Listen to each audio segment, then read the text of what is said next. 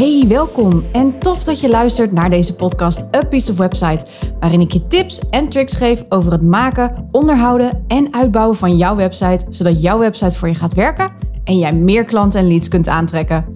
Mijn missie is om ervoor te zorgen dat de techniek van jouw website a piece of cake wordt.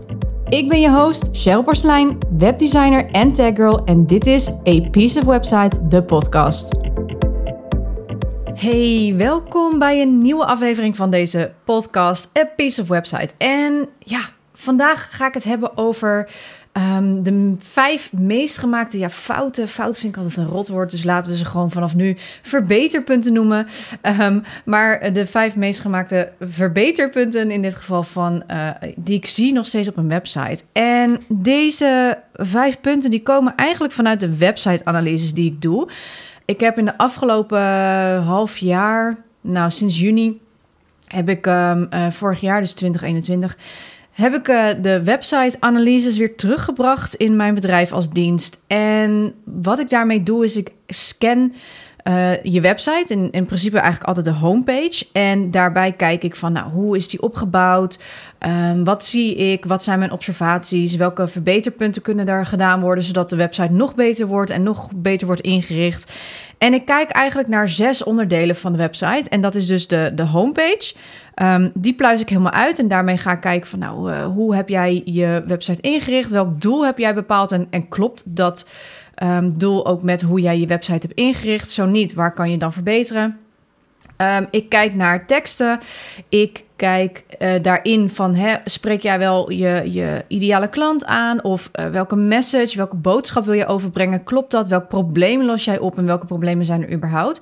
Daar kijk ik naar. Ik kijk ook nog een stukje naar de branding. Dus hoe gebruik jij uh, je kleuren? Is het duidelijk dat dit van jou is? Passen die kleuren ook bij jou en je diensten of je producten? Dat soort dingen. Um, en daarna kijk ik ook nog naar de customer journey van de website. Hè? Dus waar wil jij mij heen begeleiden? Uh, hoe zorg je ervoor dat jij mij daarheen gidst waar jij mij naar heen wilt hebben? Dus met andere woorden, welke flow zit er in je site? Hoe gebruik je daar in jouw knoppen bijvoorbeeld? Um, weet ik ook wat de volgende stap is? Wat er van mij verwacht wordt? Dat heeft alles te maken met de customer journey.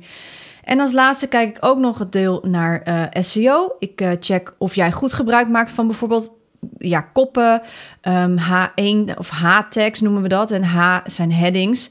Um, dat zijn tags waarmee je zeg maar zoekwoorden heel belangrijk kunt maken, waardoor je weer beter vindbaar wordt in Google. En dit is maar een heel klein deel hoor van SEO, dus pin je daar niet te veel op vast. Maar um, ik ga dus wel checken of, dat, of je dat goed gebruikt. En ik kijk ook of jij goed, hè, hoe jouw meta-description, dus meta-description is zeg maar, wat zie je als ik jou letterlijk in Google invoer? Dus wat zie ik daar voor titels staan? Wat zie ik daar voor tekstje bij staan? Is die goed? Is die te lang? Is die te kort? Staan daar de zoekwoorden in, et cetera?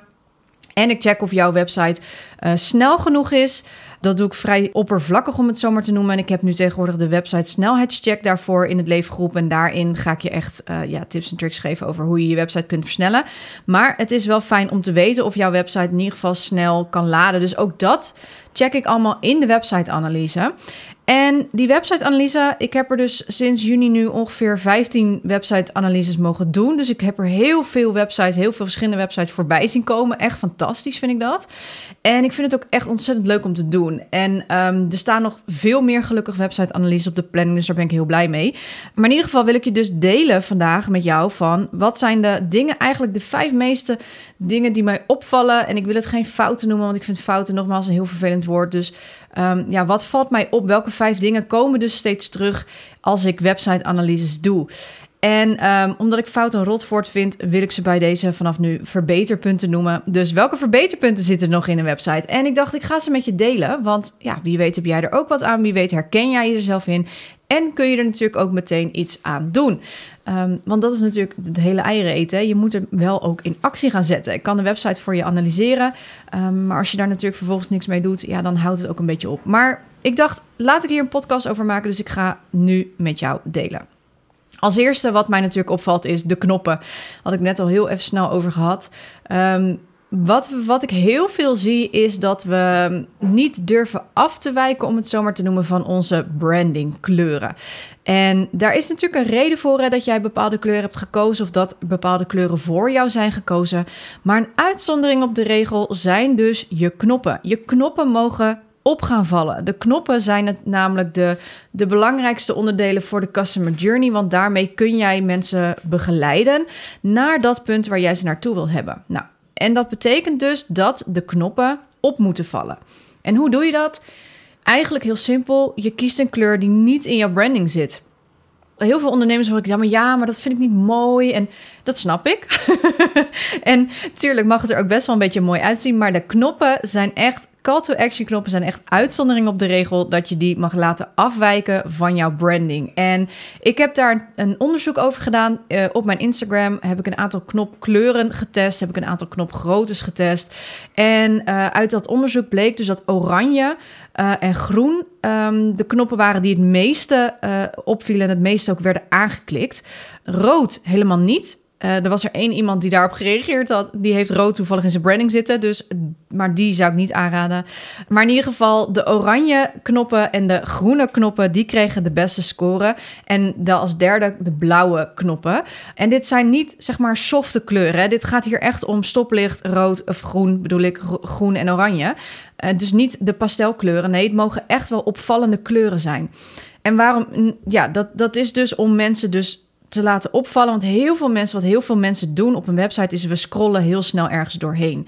En door die knoppen goed te laten opvallen, um, breek je zeg maar patroon, waardoor ons ja, peripheral vision, of eigenlijk ons, ons zicht, ineens denkt van hé, hey, er was hier iets anders. Uh, blijkbaar valt hier iets op, ik moet hier iets mee doen. En dat breekt dus zeg maar het, het scrollen, dat breekt het patroon, dat breekt onze concentratie. Het, het, het zit even zo van, ah, er ging iets voorbij wat heel erg opviel. Ik moet hier even naar kijken, want blijkbaar moet ik hiermee iets mee. En daarmee kun je dus ja, mensen op die knop laten klikken. En dan is daarbij, die knop is ook nog, zeg maar, um, welke tekst gebruik je op die knop. Hè? Dus wat ik heel vaak nog zie, is dat we vrij passief blijven. Dus uh, lees meer, vraag uh, vrijblijvend een, weet ik veel, neem contact met mij op of zo. Dat zijn vrij passieve knoppen. Daar, daarmee weet ik nog niet zo goed wat nou eigenlijk je volgende stap is of wat je nou wil precies van mij. Ja, neem contact met me op. Oké, maar zit ik dan ergens aan vast? Wat ga ik dan doen? Moet ik een formulier invullen? Heb ik daar zin in? Nou, allemaal dat soort vragen moet je eigenlijk op voorhand al uh, beantwoord hebben. Dus wat je het beste kunt doen met zo'n knop is, afgezien van de kleur, is dat je ook een assertievere uh, tekst op mag zetten. Zoals plan nu direct jouw gratis kennismakingsgesprek in. Of boek een kennismakingsgesprek. Of download de brochure. Of download mijn gratis weggever. Nou, en dan gratis weggever moet je natuurlijk even een naampje voor verzinnen. Maar dan weet ik precies wat ik kan verwachten als ik op die knop druk. Want als ik zeg, ja, neem contact met me op. Ja, waar ga ik dan heen? Ga ik, moet ik dan een heel formulier invullen? En als iemand zegt, plan direct een kennismakingsgesprek met me in... dan kan ik ervan uitgaan dat ik soort naar een plantool ga. Want dat staat er. En dat kun je er natuurlijk ook nog eens extra bij zetten. Van je, je gaat rechtstreeks naar mijn digitale agenda toe, bijvoorbeeld. Om het nog duidelijker te maken en nog meer objecties te, uh, weg te halen om een gesprek in te boeken. Maar dat zijn dus dingen waar je heel erg op mag letten. En uh, wat ook helpt om een goede call to action knop in te zetten. Dus afgezien van de kleur die mag opvallen, dus die mag afwijken van je branding, is tekst natuurlijk ook heel erg belangrijk. Nummer twee gaat ook nog over de knoppen. Het iets wat ik het meeste uh, zie gebeuren, is dat we heel veel knoppen missen. Soms dan zie ik een website, die ben ik dan aan het analyseren. En dan denk ik, ja, maar ik ben dit stukje nu aan het lezen. Oké, wat wil je me nu eigenlijk, wat wil je me nu laten doen? Wat, wat, dus de, de tekst is heel erg netjes mooi opgebouwd van ah, ik heb dit, uh, dit is jouw probleem en uh, nou, ik zie dit en dit en dit. Uh, en vervolgens ga je door naar het oplossen van het probleem met wat jij aanbiedt. En daarna denk ik, ja, leuk stukje. Ja, ik snap wat je, wat je zegt en uh, ik vind het helemaal tof en ik herken me hier ook in. Wat nu? en dan mist er dus gewoon letterlijk een knop. Terwijl dat stukje tekst of de tekst zelf is helemaal geschreven op een manier waarvan ik denk, en nu wil ik ergens naartoe. Dus ook dat is dus iets wat ik heel grappig vind, wat ik nog steeds dus zie, is dat we veel te lief zijn eigenlijk. Hè? Want we willen, uh, vooral onze tekst willen we uh, graag laten weten van, nou, je hebt een probleem en ik hoor je en ik zie je en ik begrijp je. En ik bied een aantal oplossingen. Maar vervolgens blijft dan de actie uit. Um, terwijl die, die stukken, die teksten dus wel om een call to action vragen. En daar mag je dus veel meer mee doen. Je mag gerust een extra knop erbij zetten. Dat is helemaal niet erg, is helemaal niet um, dat je denkt van ja, maar dat is te veel. Nee, wij als mens lezen ook daadwerkelijk, nou ja, daadwerkelijk wel, maar we lezen niet meer heel veel. We scannen eerst alles voordat we bedenken, hier wil ik meer over weten. Of dat je een stukje tegenkomt van, hey, dit lijkt me interessant. Dan pas gaan we lezen. En als jij dus dan een knop mist, terwijl dus mensen, dus je wel hebt aangehaakt op jouw tekst, en je mist vervolgens een knop, dan wordt er ook geen actie ondernomen. En we mogen daarin als ondernemers zijn echt wat meer assertief en initiatief tonen Ehm, dat we mensen echt wel mogen begeleiden. En het hoeft helemaal niet pusherig te zijn. Het gaat er gewoon om dat mensen gewoon weten van... jij hebt de oplossing voor mijn probleem en ik wil dus met jou samenwerken. Wat is mijn vervolgstap? Want eigenlijk wat je er dus mee doet als je je knoppen daar niet neerzet... is dat je iemand laat hangen. Eigenlijk... Iemand die dat heel mooi zei is Tineke Zwart. Daar heb ik een kaartje van hangen hier op mijn whiteboard. Daar kijk ik nu naar. Dan staat er ook echt vandaag liggen er weer mensen bloedend op straat. En als mensen bloedend ergens op straat liggen, dan moet je actie ondernemen om dat bloeden te stelpen. En dat is misschien een heel ja, gek voorbeeld wat ik nu zeg, maar dat geldt natuurlijk ook voor je website. Mensen komen met een, een wond, een, een probleem naar jouw website en vervolgens moeten ze daarop actie ondernemen. En als die actie er niet is, dan zal die wond dus ook nooit dichtgaan en dan zal het probleem dus niet opgelost worden. Dus je mag daarin best wel wat ja, wat initiatief innemen. En daarin is het natuurlijk wel belangrijk dat je niet je hele pagina's vol met knoppen zet. Daar gaat het niet om, want het is heel belangrijk dat je een doel kiest. Um, hè, één hoofd call to action en één sub call to action. En jouw hoofd call to action kan bijvoorbeeld zijn gratis intakegesprek laten boeken. En jouw sub call to action kan bijvoorbeeld zijn dat iemand zich inschrijft voor jouw nieuwsbrief of jouw e-maillijst. Zet dan ook alleen die knoppen in en ga niet ineens uh, afwijken dat je een, een derde call to action erbij zet met nog eens een keer iets ergens voor inschrijven of iets anders voor inschrijven of uh, ineens een koopknop ertussen. Daarin moet je een keuze maken. Uh, en daar kom ik straks nog op terug. Uh, maar in ieder geval dus gebruik wel die call to action knoppen. Want dat gaat ervoor zorgen dat mensen dieper de website ingaan. Maar ook op de plek komen waar jij wil dat ze naartoe moeten. Dus um, jij bent de gids in het verhaal. Jouw klant is de held in het verhaal. Jij mag een begeleidende rol gaan spelen. En dat doe je dus door juist de knoppen erbij te zetten op de stukken waar het juist zo nodig is. Zodat ze een vervolgstap of een actie dus kunnen ondernemen. Alright? Nummer drie is wat ik heel veel zie, is dat navigaties nog vaak veel te uitgebreid zijn. Navigaties heb ik het dus over het menu, uh, boven in de website. En het grappige is, is dat we echt heel veel daarin willen zetten. Dus uh, zeker als ik kijk naar webshops bijvoorbeeld, die hebben meestal werken zijn met categorieën of meerdere thema's of meerdere producten. En wat ik heel veel zie is dat ze al die thema's en al die producten in dat menu willen plaatsen. En ik snap dat, hè? Want je wil alles evenveel aandacht geven. Alleen voor jouw bezoeker is dat enorm overweldigend. En bij overweldiging krijg je keuzestress. En als er keuzestress is, maken wij als mens geen keuze. Want dan hebben we zoiets van: oké, hier trekken we onze handen vanaf. Het overweldigt me, het, het overprikkelt me. Ik weet niet wat ik moet kiezen. Ik weet niet waar je me naartoe wil hebben. Daar heb ik het weer over die, die gids spelen, hè, waar ik het net over had met je knoppen. Dat geldt natuurlijk ook voor je navigatie. Wat is nu het allerbelangrijkste dat mensen moeten gaan bekijken? En komen ze dan ook vanzelf, en dat heeft met die customer journey te maken, of die, die flow van je website, komen ze dan ook uit bij de juiste producten of diensten die jij aanbiedt? En navigaties uh, de ongeschreven regel, of eigenlijk geschreven regel, maar ongeschreven regel is het meestal, is dat je maximaal zeven menu-items erin mag zetten. Alles wat meer, dus hoofdmenu-items. Hè? Dus denk aan de homepage, over mij pagina, contactpagina, uh, aanbodpagina, etc. Dat zijn vaak hoofdpagina's. Je mag daarin de, gerust een drop-down uh, maken. Dus dat als je zeg maar bijvoorbeeld bij aanbod op met je muis eroverheen gaat, dan komt er zo'n minuutje nog eronder staan. Dat is prima, maar eh, maak ook die niet meer dan, dan drie, vier, vijf items, omdat het ook weer veel te veel is. Um, heeft ook alles te maken met waar ik straks op terugkom met keuzes maken. Um, maar in ieder geval, zorg ervoor dat je de hoofd, dus echt de belangrijkste, alle allerbelangrijkste pagina's, dat je die in het hoofdmenu zet. En alles waarvan je denkt van dit is minder belangrijk, maar moet wel ergens staan, zet dat in een submenuutje of helemaal onderaan in je footer van je website. Want als mensen daarheen scrollen, er zullen echt gerust mensen helemaal naar beneden. Het zal niet veel zijn, maar er zullen mensen uiteindelijk naar beneden scrollen. Die komen dan alsnog dat minuutje tegen. Dus het is dat is echt, eh, denk aan algemene voorwaarden. Denk aan verzendkosten voor webshops. Denk aan retourbeleid. Denk aan dat soort dingen zijn heel belangrijk natuurlijk hè, voor een webshop om, om te plaatsen, maar niet belangrijk genoeg voor in je hoofdmenu. Um, want daar draait het niet om. Dus dat soort, dat soort keuzes mag je daarin maken. Van wat is nu het allerbelangrijkste? Welke pagina's moeten mensen gewoon minimaal heen? Kies daar zeven. En als je een webshop hebt, maximaal negen. Maar dat is wel echt heel erg veel eigenlijk al zorg er dus in ieder geval voor dat je dus een, een goed strak menu houdt met weinig grote uh, uh, uh, opties. Um, en als, je, als het nodig is, maak dan een drop-down menu bijvoorbeeld van... ik heb bijvoorbeeld op mijn website het kopje aanbod. En daaronder staan twee pagina's, mijn website-analyse en een website op maat. Dat zijn mijn twee aanbodpagina's en meer staat er niet in, in dat menu. Um, dus daar kan je voor kiezen om dat te doen, om het één overzichtelijk te houden... en twee, om het ook rustig te houden. Want nogmaals, die overweldigheid die kan ervoor zorgen dat mensen gewoon knijterhard afhaken op je website. En dat zou heel zonde zijn.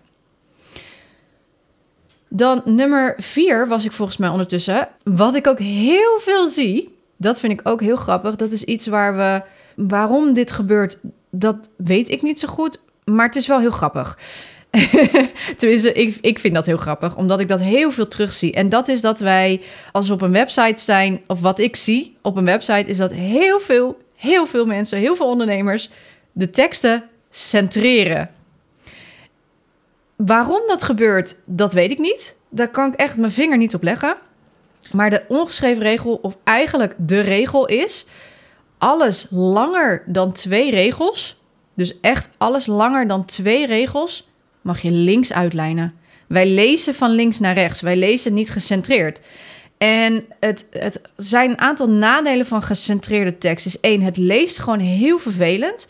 Zeker als jij bijvoorbeeld in je doelgroep mensen hebt. En dat heeft ook alles te maken met inclusive design. Waar ik zeker nog wel een keer op terug ga komen. Dat heeft alles te maken met dat je uh, binnen jouw uh, ideale klant niemand uitsluit. Hè? Dus je hebt een niche. En binnen jouw ideale klant kan maar net iemand zijn met dyslexie, dyscalculie, slecht zicht, iets in die richting, maar blijft nog steeds een ideale klant van jou. Alleen die heeft gewoon wat beperkingen in het zicht, bijvoorbeeld, of beperkingen in, op andere vlakken. Maar bevalt wel nog steeds in jouw niche. Kleurenblindheid zie je ook heel vaak terugkomen. Mensen met dyslexie vinden lezen aan zich al lastig. En mocht jij luisteren, als jij dyslexie hebt, er zijn zelfs speciale lettertypes die we kunnen gebruiken. Maar ik, ik kan je wel op een presenteerblaadje geven dat is gecentreerd teksten lezen nog lastiger is voor iemand met dyslexie dan voor de normale, of ja, normaal tussen aanhalingstekens, uh, voor de mensen zeg maar die geen dyslexie hebben. Daar is het al lastig voor, want dat komt omdat gecentreerde teksten kappen op een gegeven moment af op een hele verkeerde manier. En in plaats van dat we dan teruggaan naar de linkerkant, moeten we ineens onze ogen naar het midden van de, van de tekst gaan verplaatsen. Dus onze ogen die kunnen dat niet zo goed verwerken, waardoor dus uh, je vaak of de zin zes, zes keer opnieuw moet lezen. Hè? Want dat, dat merk ik ook heel vaak. Dat ik denk, oké, waar kapt hij nou af precies het woord? En hoe zit dat nou precies? En, en, en huh, dat woord staat ineens verder naar rechts dat maakt dat het dus erg lastig, ik zeg niet onmogelijk, maar lastig te lezen is. En dat het ook heel vermoeiend is. Dus alles wat langer is dan twee regels, mag je links uitlijnen. En ik denk zelf persoonlijk, en dit is een aanname wat ik doe, maar ik ga er wel eens een keertje een onderzoek naar doen, is dat mensen gecentreerde teksten op hun website zitten omdat dat er mooier uit zou zien voor hun gevoel. Of dat ze het centreren omdat ze het gevoel hebben dat er te veel witruimte aan de zijkanten is. Ik ga eens een keer daar eens even naar kijken. Daar ben ik wel namelijk heel nieuwsgierig aan wat, wat er in zeg maar, het hoofd omgaat om waarom je uh, kiest voor gecentreerde teksten. Dat ben ik gewoon heel nieuwsgierig naar, dus dat wil ik zeker uittesten. Maar je mag het dus allemaal naar links gaan doen. En titels, daar zijn weer uitzonderingen op, want titels hebben meestal niet meer dan twee regels. Dus die kun je rustig centreren. Dat, dat leest prima, dat, dat gaat ook goed. Um, titels zijn ook vaak groter van uh, lettertype, hè, dus lettertype grootte. Dat scheelt natuurlijk ook al heel veel, maar we zijn gewoon gewend om van links naar rechts te lezen en niet om gecentreerd te lezen. Dus lijn je teksten links uit. Alright? Oké. Dan het laatste punt waar ik het met je over wil hebben is, en dat heb ik eigenlijk al een aantal keer, heb je mij dat horen zeggen, maar wat ik heel erg veel zie is dat we op websites geen keuze durven te maken. en misschien denk je, ja, dat ben ik. Oeps. Geef niet. Je mag echt keuzes gaan maken. Het keuzes maken heeft met allerlei dingen te maken. Het heeft te maken met, met het stuk waar wil je me heen hebben. Het heeft te maken met het stuk wat is het doel van je website. Het heeft te maken met wat wil je dat wat ik doe als bezoeker op je website. En wat jij daarin mag doen is jij mag mij begeleiden naar dat punt waar jij wilt dat jij iemand heen wilt leiden. Dus als jij als doel hebt van ik wil mijn e-maillijst opbouwen, ik wil mijn e-maillijst vergroten, ik wil dat mensen mijn gratis weggever downloaden, dan moet jij jouw website gaan inrichten op dat doel. Maak daarin dus een keuze. En daarom zeg ik ook met die call to actions, kies een hoofd call to action. Denk aan kennismakingsgesprekken laten inboeken via de digitale kalender. En een sub call to action. Denk aan dus je e-maillijst opbouwen, gratis weggever laten downloaden of iets dergelijks. Maar doe niet meer dan dat. Je kan prima op je homepage van de website kun je uiteraard nog wel je aanbod laten zien. Hè? En met wat minder opvallende knoppen eh, bekijk de details. Dat soort dingen, dat mag op de homepage. Maar hou het rustig en zorg ervoor dat als jij zegt van ik heb mijn doel e-maillijst opbouwen, dat er op meerdere plekken in je website een formulier staat waarin mensen zich kunnen aanmelden voor die nieuwsbrief of jouw weggever. En ik ga een aparte podcast opnemen over hoe je je website kunt inrichten op het doel dat jij hebt gesteld van je website. Maar het begint in eerste instantie wel met keuzes maken. En daarom is het ook heel belangrijk met je navigatie. Maak een keuze in welke pagina's zijn het allerbelangrijkste voor jouw website. Welke pagina's zijn het allerbelangrijkste voor, jou, voor jouw doelgroep. En welke acties, dus maak daar een keuze, welke actie moet die persoon ondernemen op die pagina of op de rest van je website. Als het natuurlijk gaat om een salespage waar jij iets in wilt verkopen, dan is het natuurlijk wel zaak dat jij een keuze maakt in oké, ik ga dan niet ineens een e-maillijst opbouwen op die pagina, want dat is niet het doel van die pagina. Het doel van die pagina is om ervoor te zorgen dat mensen zich gaan inschrijven of een aankopen gaan doen voor dat programma wat jij dat op dat moment biedt. En als ik daarin nog meer andere soorten call to actions ga plaatsen, dus bijvoorbeeld, ja, ben je misschien nog niet klaar om mijn programma te kopen? Uh, schrijf je dan ook nog even in voor mijn gratis nieuwsbrief. Ja, dat is natuurlijk niet helemaal de bedoeling. Hè? Dus daarin bedoel ik ook, maak een keuze in wat wil jij dat iemand doet op je site of op die per se op die specifieke pagina. Dus maak een keuze. En wat ik ook heel veel zie in het stukje daarin keuzes maken is, maak ook een keuze in het aanbod wat je aanbiedt. Ik ben daar zelf een, een, een voorbeeld van in de zin van dat ik heel veel heb geschrapt de afgelopen jaren in mijn diensten, in mijn aanbod. En dat heeft geresulteerd dat ik mij enorm ben gaan specialiseren, waardoor mijn bedrijf dus echt een groeispurt heeft gehad. Omdat je daarmee met specialisatie, maar gewoon met een, met een klein aanbod, met een heel specifiek aanbod, ben je heel duidelijk naar wat jij hebt te bieden en welke oplossing daar voor het probleem is, welke oplossing jij biedt. En in plaats van, en dat heeft ook alles te maken met het kiezen van een niche of een doelgroep of een ideale klant, hoe jij het ook wil uh, bewoorden voor jezelf. Daarin zit ook het stukje aanbod. Hè? Dus je kan, weet je, ik zeg altijd: iedereen is niet je doelgroep. Je kunt niet iedereen bedienen. Je moet een keuze maken in wie wil jij bedienen? Waar word jij blij van? Welke soorten klanten waar word jij het meest blij van en krijg je energie van? Oké, dat zijn deze en deze klanten. Oké, welk aanbod sluit daar perfect op aan? En dat is ook een van de redenen waarom ik die website-analyses uh, doe in ruil voor marketingonderzoeken tegenwoordig. En daar komt zeker binnenkort, heel binnenkort, en ook een podcast over. Ga ik het over hier over hebben. Maar dat maakt wel dat ik dus input krijg van de mensen die die website-analyse doen bij mij. Ehm, waardoor ik dus mijn, dat aanbod ook weer kan verbeteren. En daardoor weet ik ook dat de website-analyse een, een van mijn aanbod is die perfect aansluit op wat mijn doelgroep wil, zeg maar. Dus wat mijn niche nodig heeft. Maar meer dan dat doe ik ook niet. Dus bij mij is het echt puur en alleen een op maat website, een herontwerp en een website-analyse. En meer is er niet meer. Ik ben met heel veel dingen gestopt. Dat eh, kun je in een aantal vorige podcasts van mij horen. Ehm, ik deed veel te veel. En dat resulteerde dat mensen op een gegeven moment niet meer wisten waar ze bij mij voor moesten zijn. Omdat ik zoveel aanbod had dat ik zelf niet eens meer wist wat ik nou wanneer moest delen. Hè? Want als je op social media dan, dan ik kijk wel eens terug op mijn social media, mijn Instagram, en dan zie ik wel eens van. Oh, hier ging het ineens over branding. Oh, hier ging het ineens over, over kleur. Oh, hier ging ik ineens over websites praten. Terwijl nu is het puur en alleen websites en alles wat met websites te maken heeft. Dus ik ben heel erg gaan specialiseren. Mensen weten mij precies nu te vinden waar ik de keuze in heb gemaakt in websites. In een herontwerp of een website laten bouwen of de website-analyse. En meer is er bij mij gewoon niet. Dus ook daarin, dat helpt je ook om je aanbod te verkleinen juist. Om je website zodanig in te richten dat je heel duidelijk weet waar iemand heen moet als die op jouw website terechtkomt. Dus ook dat gaat je helpen om je website gewoon in te richten voor conversie, waardoor mensen echt zoiets hebben van: oké, ik snap wat je hier zegt, ik snap wat je uh, aanbiedt. Ik heb in principe inderdaad dat probleem. Dus ik weet, ik moet nu hier zijn, want dat lost mijn probleem op. En vervolgens zullen mensen op die manier contact met jou gaan opnemen. Omdat jij gewoon heel duidelijk bent in voor wie je er bent, wat je doet en hoe je iemands leven beter maakt. Yes? Dus daarin mag je echt een keuze maken. Waar wil je naartoe?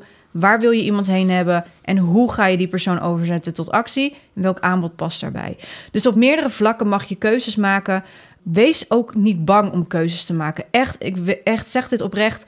Keuzes maken gaat je echt heel erg veel opleveren, juist in de langere termijn. Als het goed is, ben je ondernemer geworden voor de lange termijn. Dus hou dit ook echt als een lange termijn strategie. Als je nou denkt van nou, ik kom toch nog iets tekort, dan kun je altijd nog een keer opschalen. Dan kun je altijd nog een aanbod erbij bedenken als je denkt van daar is echt behoefte aan. Krijg ik heel veel inderdaad vraag over.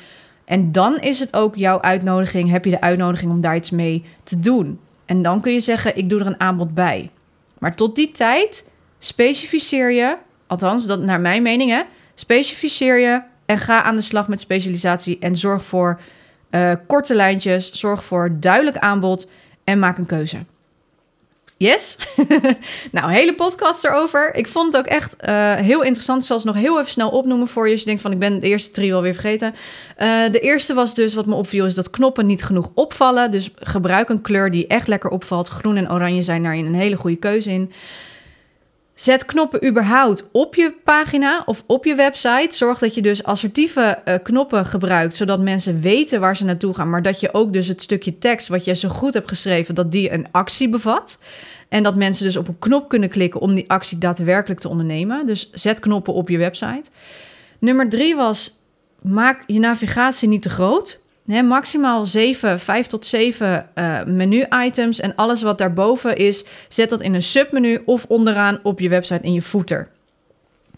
Nummer 4 was teksten niet centreren. Zet teksten altijd links uitgelijnd. Alles wat langer is dan twee regels, links uitlijnen. En als laatste was nummer 5. Maak een keuze. Maak een keuze. Waar wil je mij heen hebben? Wat moet ik doen op je website? Begeleid mij daarin, want ik ga dat zelf gewoon niet uitzoeken. Alright? Dat waren de vijf verbeterpunten die ik met je mee wil geven in deze podcast. En ik hoop natuurlijk oprecht dat je hier wat aan hebt gehad. Mocht je hier vragen over hebben, laat me weten. Je kunt me altijd vinden op Instagram, Porcelein.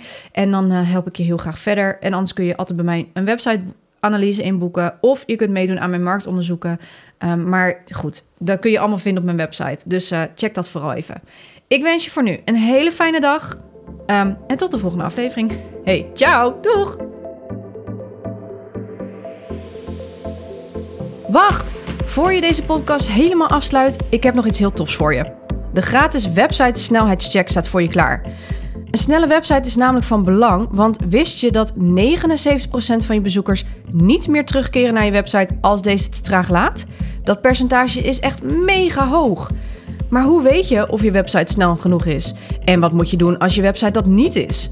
No worries, daarom heb ik de website snelheidscheck in het leven geroepen. Je ontvangt een persoonlijk rapport over jouw website en in dit rapport vind je een overzicht met snelheidsprestaties en ontvang je tips en quick wins om je website direct te versnellen. Je kunt de website snelheidscheck volledig gratis aanvragen via www.apieceofwebsite.nl/snelheidscheck.